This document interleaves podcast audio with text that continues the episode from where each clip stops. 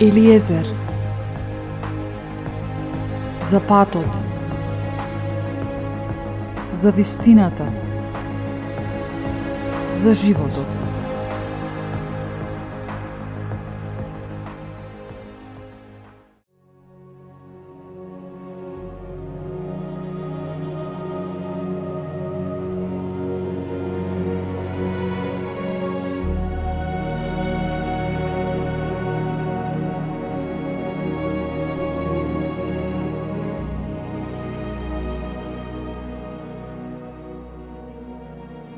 Драги мои редовни слушатели, како сте?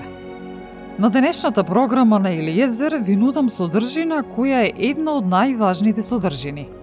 За да ве воведам во темата, би ви ги поставила следниве прашања. Дали сакате да бидете здрави? Сакате ли да бидете ослободени од измачувањето доколку го имате?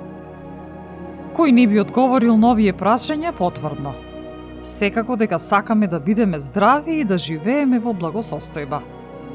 Инспирирана и поттикнат од одредени тврдења дека небесниот татко не му дава на секое свое чидо совршено здравие и избавување, и дека не е негова волја сите да бидат здрави и да живеат во благосостојба, но и воедно желна да ја споделам вистината. Го подготвив токму ова издание посветено на нашата благосостојба како што Исус говори, зашто волјата на вашиот Отец е вам да ви го даде царството. Ви предлагам внимателно да го слушате ова издание кое е од особена важност –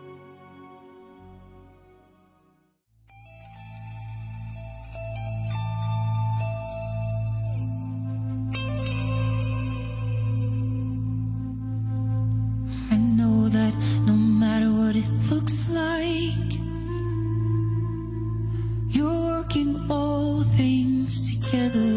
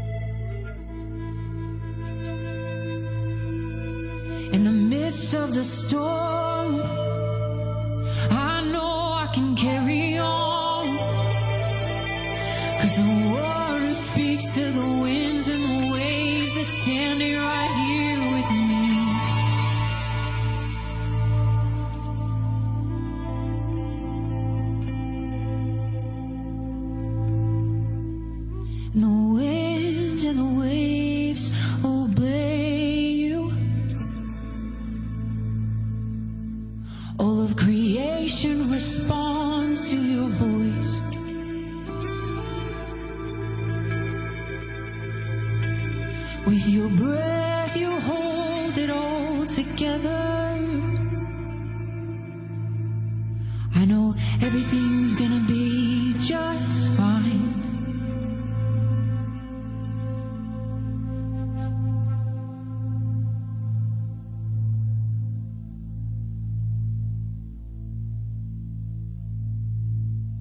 Cause I never need to know what tomorrow may bring. Cause the one who holds the time is holding me.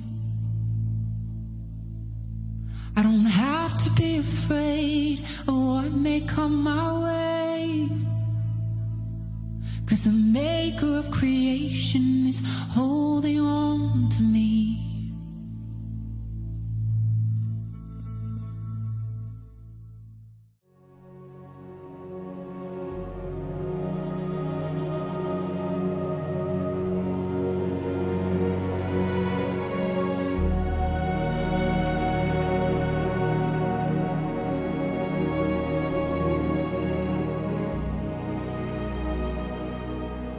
Прв стих од Светото писмо што ќе го цитирам во контекст на ова издание е Излез 15.26, кој гласи Ако го послушаш добро гласот на твојот Господ, ако правиш што е угодно пред очите Негови, ако ги слушаш заповедите Негови, ако ги пазиш сите наредби Негови, нема да ти пратам ниедна од болестите, зашто јас сум Господ, Бог твој целител. Уште на самиот почеток, небесниот татко ни ја укажува неговата волја дека тој не е оној кој не испраќа болести, измачувања, маки и темнина. Дури Јов ја признава моќта и љубовта на Бог констатирајќи Господи Боже мој, повикав кон Тебе и Ти ме излекува.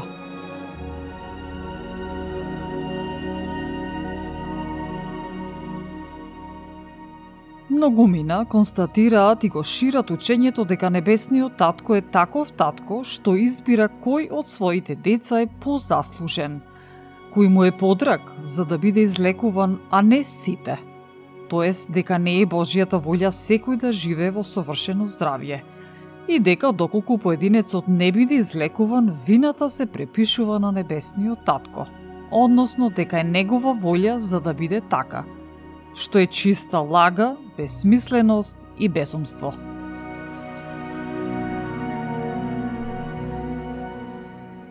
Исус Христос јасно не информира кој е виновен за болестите, траумите, маките, затемнината во нашиот живот. Сатаната, ѓаволот. Поточно, Исус во Јован 10.10 10 говори – Крадецот, односно ѓаволот, доаѓа само да украде, да убие и да погуби. Јас, Исус, дојдов за да имате живот вечен и да го имате во изобилие.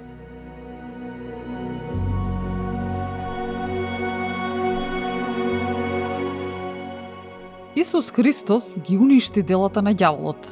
Нам ни даде авторитет над демоните, злите духови, агентите на сатаната, така што се што дозволуваме ќе биде дозволено, а се што забрануваме ќе биде забрането.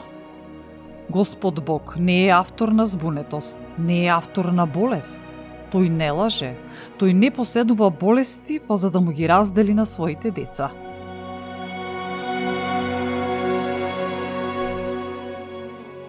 Овој свет во кој живееме е скршен, пропаднат свет во кој владее ѓаволот со неговите демони и кој е автор на целата темнина. Можеме ли да застанеме пред Исус Христос и да го обвиниме? Ти си крив. Ти не сакаше да ме излекуваш. Ти не направи ништо за мене. Во Евангелие, според Марко, 9 глава, Исус му рече на таткото кој бараше помош за избавување на својот син – Се е можно за оној што верува. И одеднаш таткото на момчето извика и со солзи рече Верувам Господи, помогни му на моето неверие. А Исус, што му виде дека се собра многу народ, му забрани на нечистиот дух и му рече Дух не ми глув, јас ти заповедам, излези од него и не влегувај веќе во него.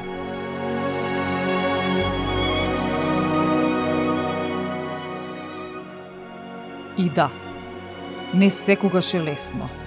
Овде, на земјата, се води духовна војна. Од една страна се силите на темнината, на злото кои сакаат да не уништат, а од друга страна се силите на светлината, на Бог. Ангелите кои се борат за да дојдеме до наше спасение, за да ја видиме и чуеме вистината, да одиме по Божиот пат. Ние треба да го имаме светогледо дека треба да ни се случи чудо, нешто што е невозможно. Постои дел кој ние треба да го исполниме, а тоа е да го примиме нашето избавување и лекување.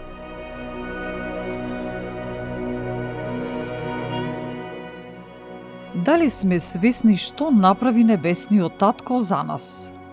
Ако на вистина сме свесни за жртвата што ја направи тој за нас, доколку го познаваме нашиот татко, не постои опција да го впериме прстот во него и да го обвиниме за нештото што се случува во нашиот живот и да му речеме ти си крив. Ти сакаш да бидам болен и да страдам.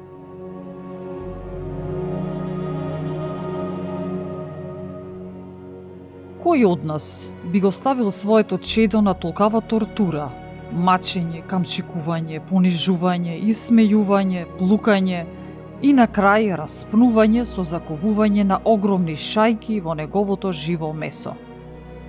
Еве, да пробаме дури со најмалата игла некој да не мачи на еден прст. Колку многу ќе не боли, а камоли да не мачат како што го мачија Христос. Во Евангелие, според Јован третата глава, кажано е Зашто Бог толку го возлюби светот, што го даде својот единороден син, та секој што верува во него да не погине, но да има живот вечен. Оти Бог не го испрати својот син во светот за да му суди на светот, туку светот да се спаси преку него. Кој верува во него нема да биде суден, а кој не верува, тој е веќе осуден, оти не поверувал во името на единородниот син Божје.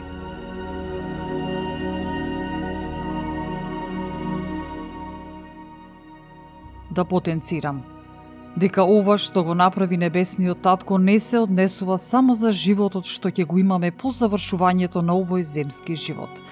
Туку во ова се вклучува животот во изобилие токму сега, а не само во вечноста.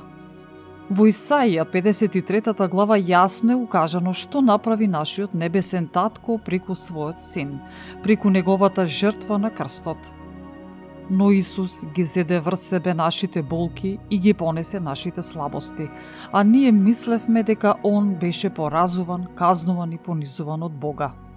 А Исус беше изнаранет за нашите гревови и мачен заради нашите беззаконија. Казната за нашиот мир падна врз него, а преку неговите рани ние се излекувавме.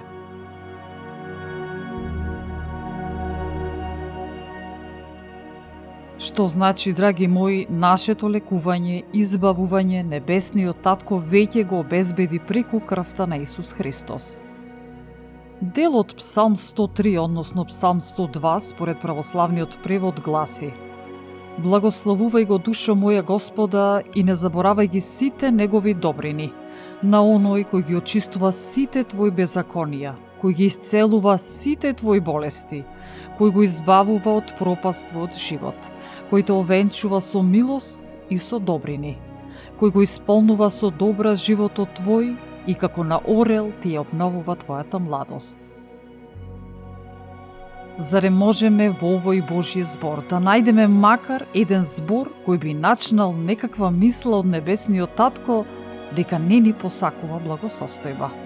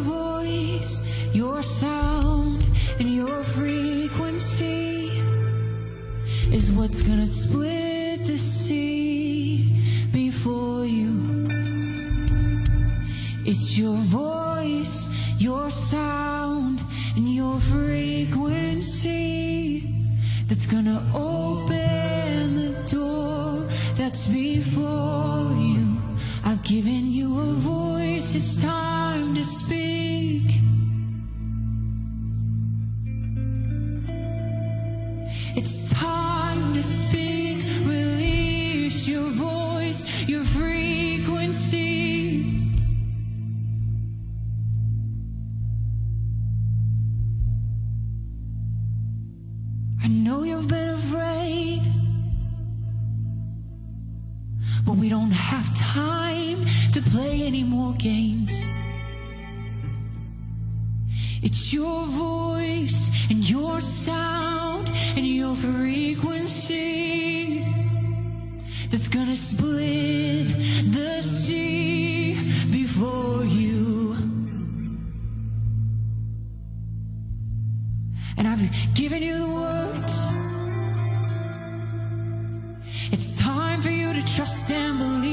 and open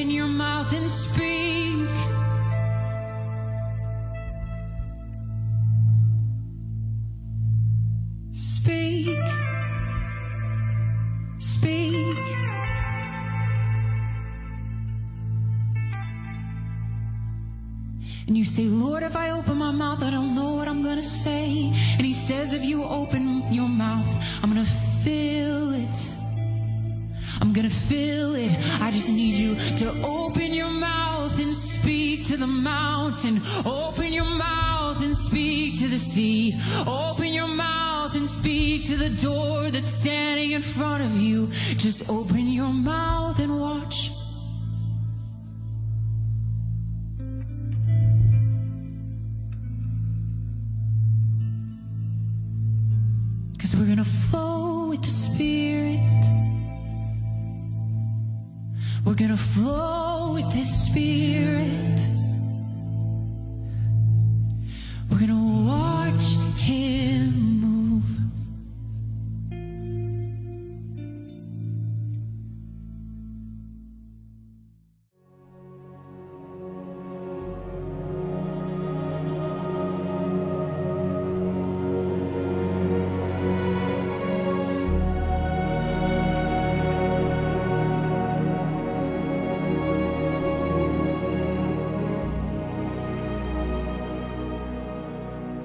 Исус го прави истото и денес, како тогаш, кога беше на земјата, кога ги лекуваш и избавуваше сите што беа под опресија на ѓаволот.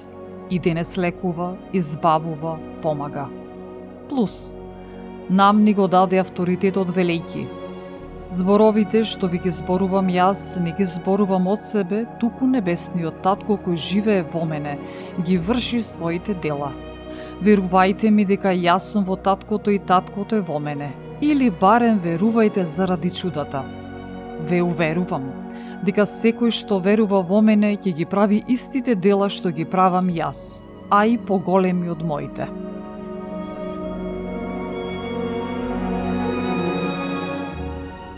Дали ние ја префаќаме оваа вистина? Исус никого не одби или не се случи некого да не го излекува, тој на никого не му стави болест или какво било измачување. Некои поединци велат дека понекогаш небесниот татко му дава болест некому со цел да го научи на нешто. Исус никогаш не го правеше тоа. Тој ја реализираше волјата на небесниот татко и очигледно е дека неговата волја е да имаме совршено здравие и благосостојба.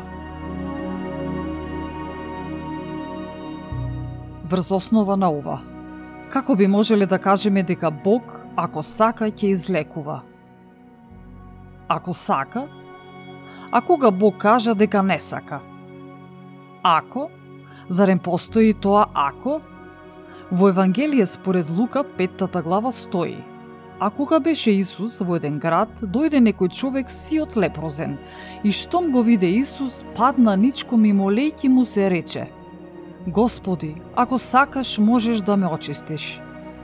Исус протегна рака, се допре до него и рече, сакам, очисти се. И веднаш лепрата падна од него.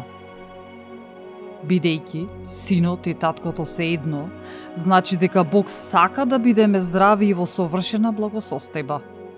Зарем постои простор за дискусија дали волјата Божја е или не е да бидеме здрави?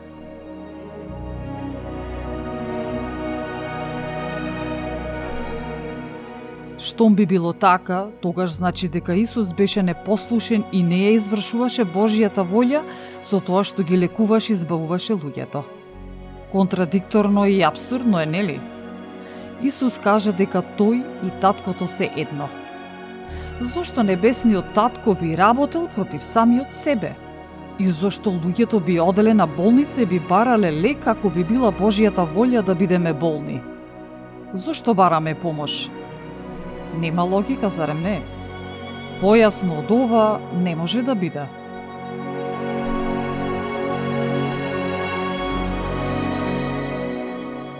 Зарем небесниот татко ќе не подели и ќе рече Ти си ми поважен, а овој овде не. Едниот може да биде излекуван, а другиот не. Зарем за едниот ќе ужива гледајќи го здрав, а за другиот ќе ужива гледајќи го како се мачи?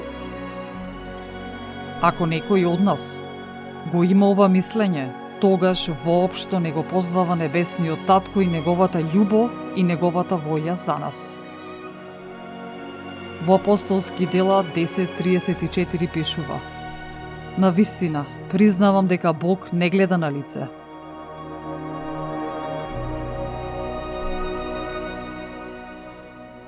кој ужива во мачењето и страдањето на човекот.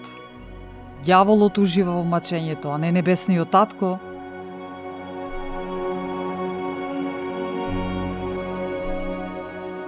Да не бидеме како фарисеите, со нашите погрешни перцепции, со нашето незнаење и да имаме закоравени срца.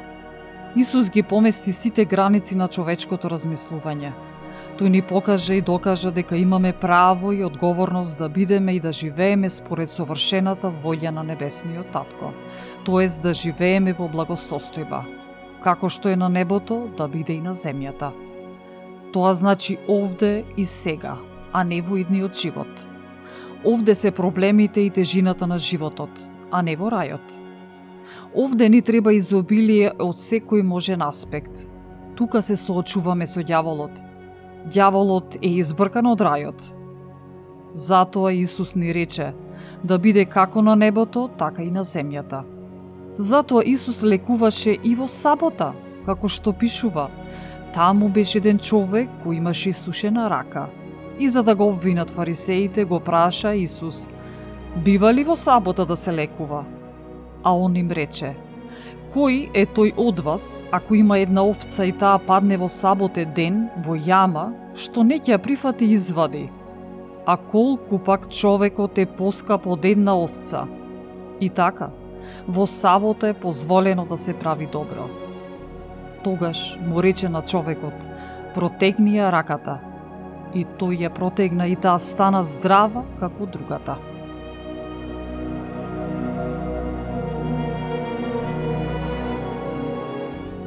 Некој ќе рече дека ние не живееме во тие апостолски и Исусови денови и дека тоа што беше важеше за тогаш и тоа заврши, што е сосем погрешно.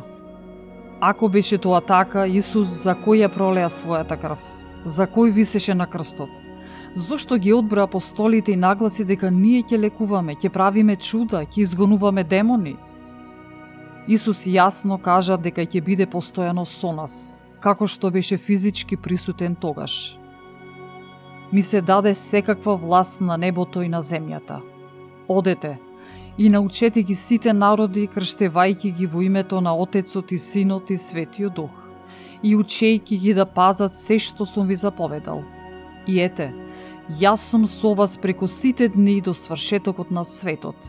Во моје име ќе истерувате бесови, ќе говорите нови јазици, ќе фаќате змии ако нешто смртоносто испиете нема да ве навреди. На болните ќе полагате раце и тие ќе оздравуваат.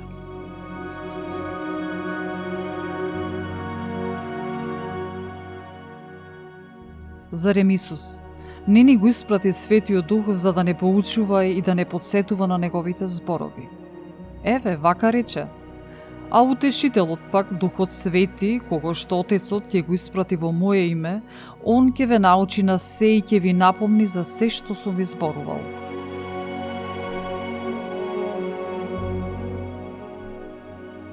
Уште колку треба да се кажува за да се убедиме дека Божја волја е да бидеме здрави сите, а не поединечно.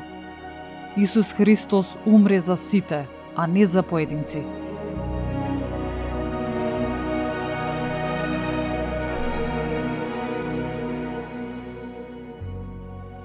Неодамна го прочитав и следново тврдење.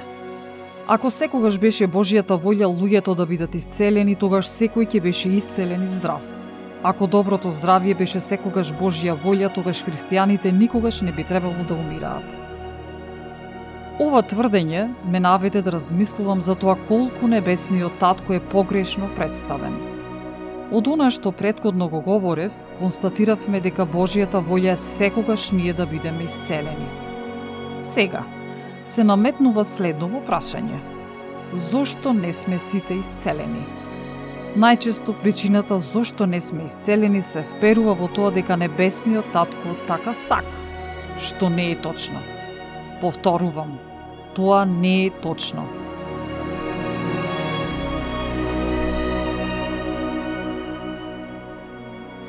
Првиот чекор при разјаснувањето на нечија ситуација или состојба е констатацијата дека се останато може да биде причина за таа состојба, само Господ Бог не. На тој начин ќе му дозволиме на Светиот Дух да ни ја покаже причината зошто е така како што е. Што значи не изјавуваме така сака или сакал Господ. Зошто го кажувам ова? Каква смисла би имало ако светлината ја обвиниме за постоењето на нашата темнина? Како би постоела темнината ако сме во светлина? како што пишува во второ послание до Коринтијаните 6 глава. Какво заедништво има светлината со темнината? Исус Христос вели, Јас сум светлината на светот, кој ме следи нема да оди во темнина, туку ќе има светлината на животот. Зарем не бараме светло за да излеземе од темницата?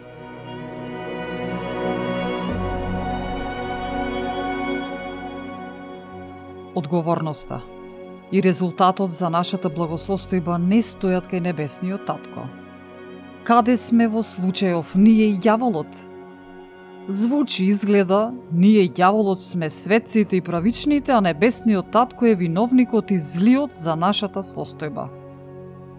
Во Јаков 1.17 нагласено е Секој добар дар и секој совршен подарок доаѓа од озгора, од таткото на светлината, во кога нема измени, ниту сенка од промена. Да не влегуваме во стапицата на ѓаволот со неговите лаги дека небесниот татко е лош и дека ни е непријател. Во Матеј 12 глава наведена е следнава случка. Тогаш доведува при него еден бесен кој беше слеп и нем и го излекува така што слепо немиот прогледа и проговори – и сиот народ се чудеше и велеше не е ли овој Христос синот Давидов? А фарисеите, што го чуја, рекоа, Он не ги стерува бесовите по друг начин, освен преку Велзевул, началникот на јаволите. Но Исус, знаејќи ги нивните помисли, рече, Секој царство, ако се раздели, запустува, и секој град или дом, ако се раздели на помали групи, ќе пропадне. Иако сатаната изгонува сатана, тој се разделил сам против себе. Тогаш како може да се запази царството негово? Иако јас истерувам бесови преку Велзевол, а синовите ваши преку кого ги изгонуваат? Затоа тие ќе ви бидат судии. Ако пак јас истерувам бесови со Духот Божи, тоа значи дека дошло Царството Божио до вас.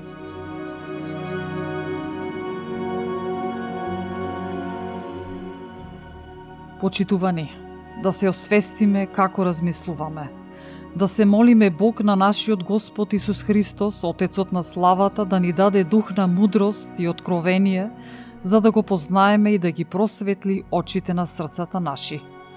За да увидиме во што се состои надежта на повиканите од Него, колкаво е богатството на славата од наследството негово во светиите и колку е неизмерна величината на неговата сила во нас, кои веруваме преку действото на неговата крепка сила. Таа сила он ја покажа во Христос, кога го воскресна од мртвите и го постави од својата десна страна на небесата.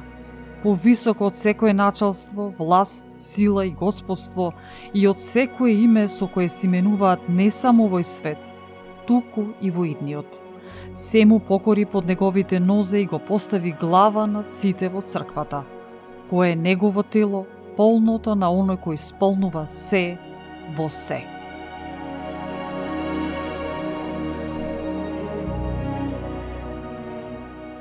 Во прилог ви подарувам молитва за здравје кое е целосно составено од Божиот збор наменет за лекување.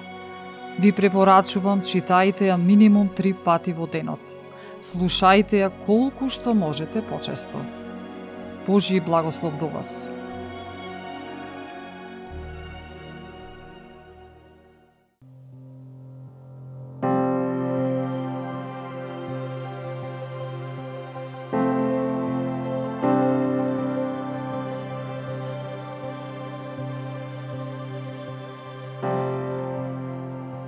Господ Бог таткото ми рече – зашто јас сум Господ Бог твој доктор.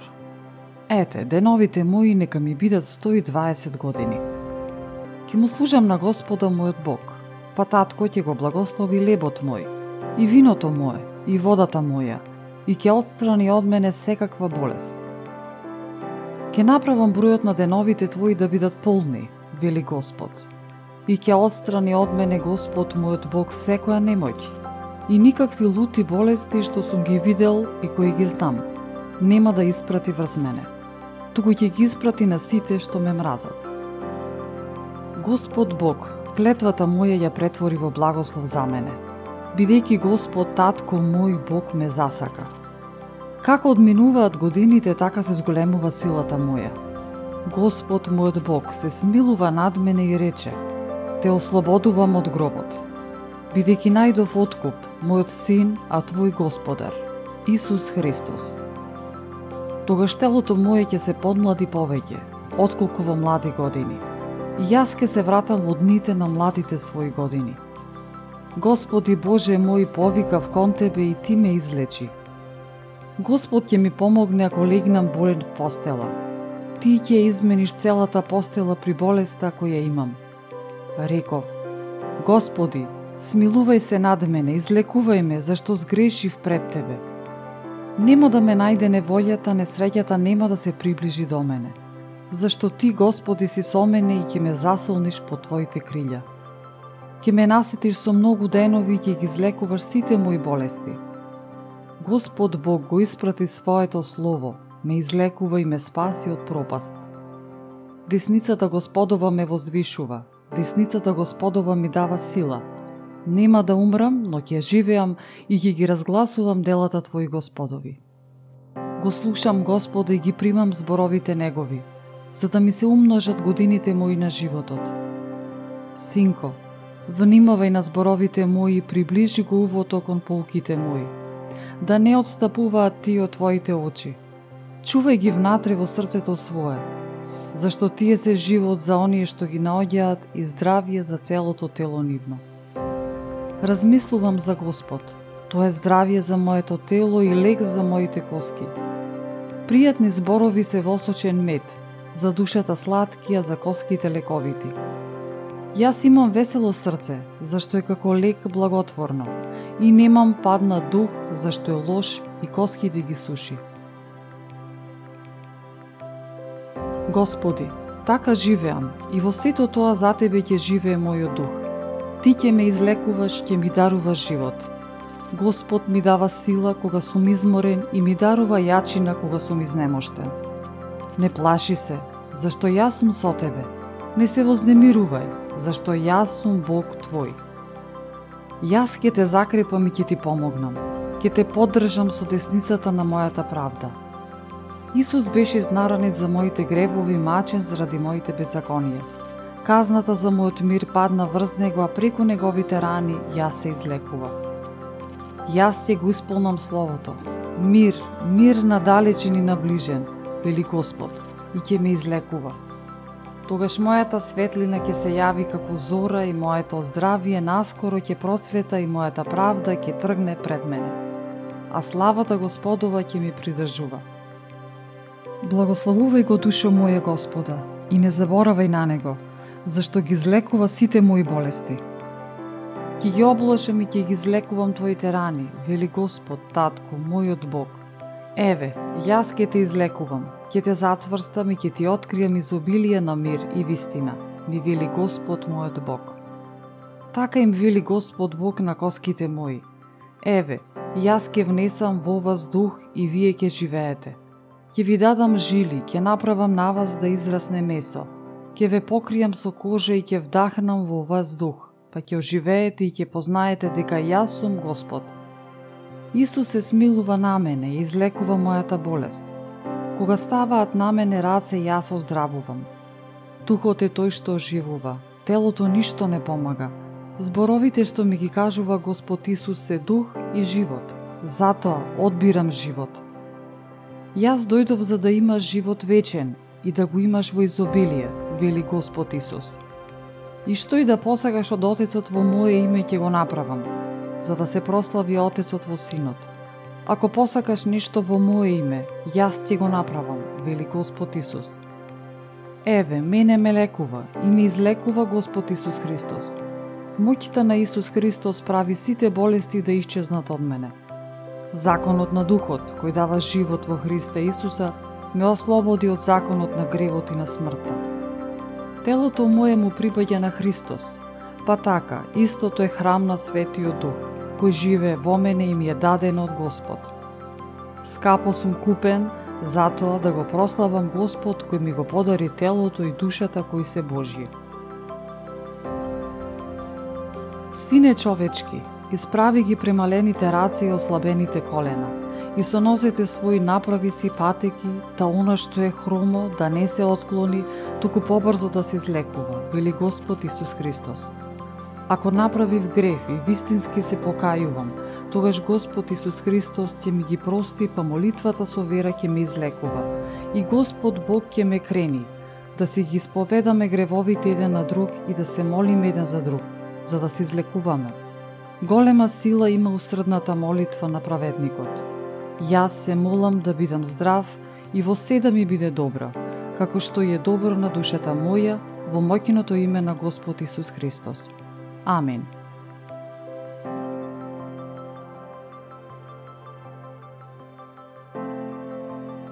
Ја следевте емисијата Елиезар, автор и уредник Елена Ѓурѓевска Костадиновиќ, под покровителство на и во соработка со Господ Исус Христос и Господ Свети Дух.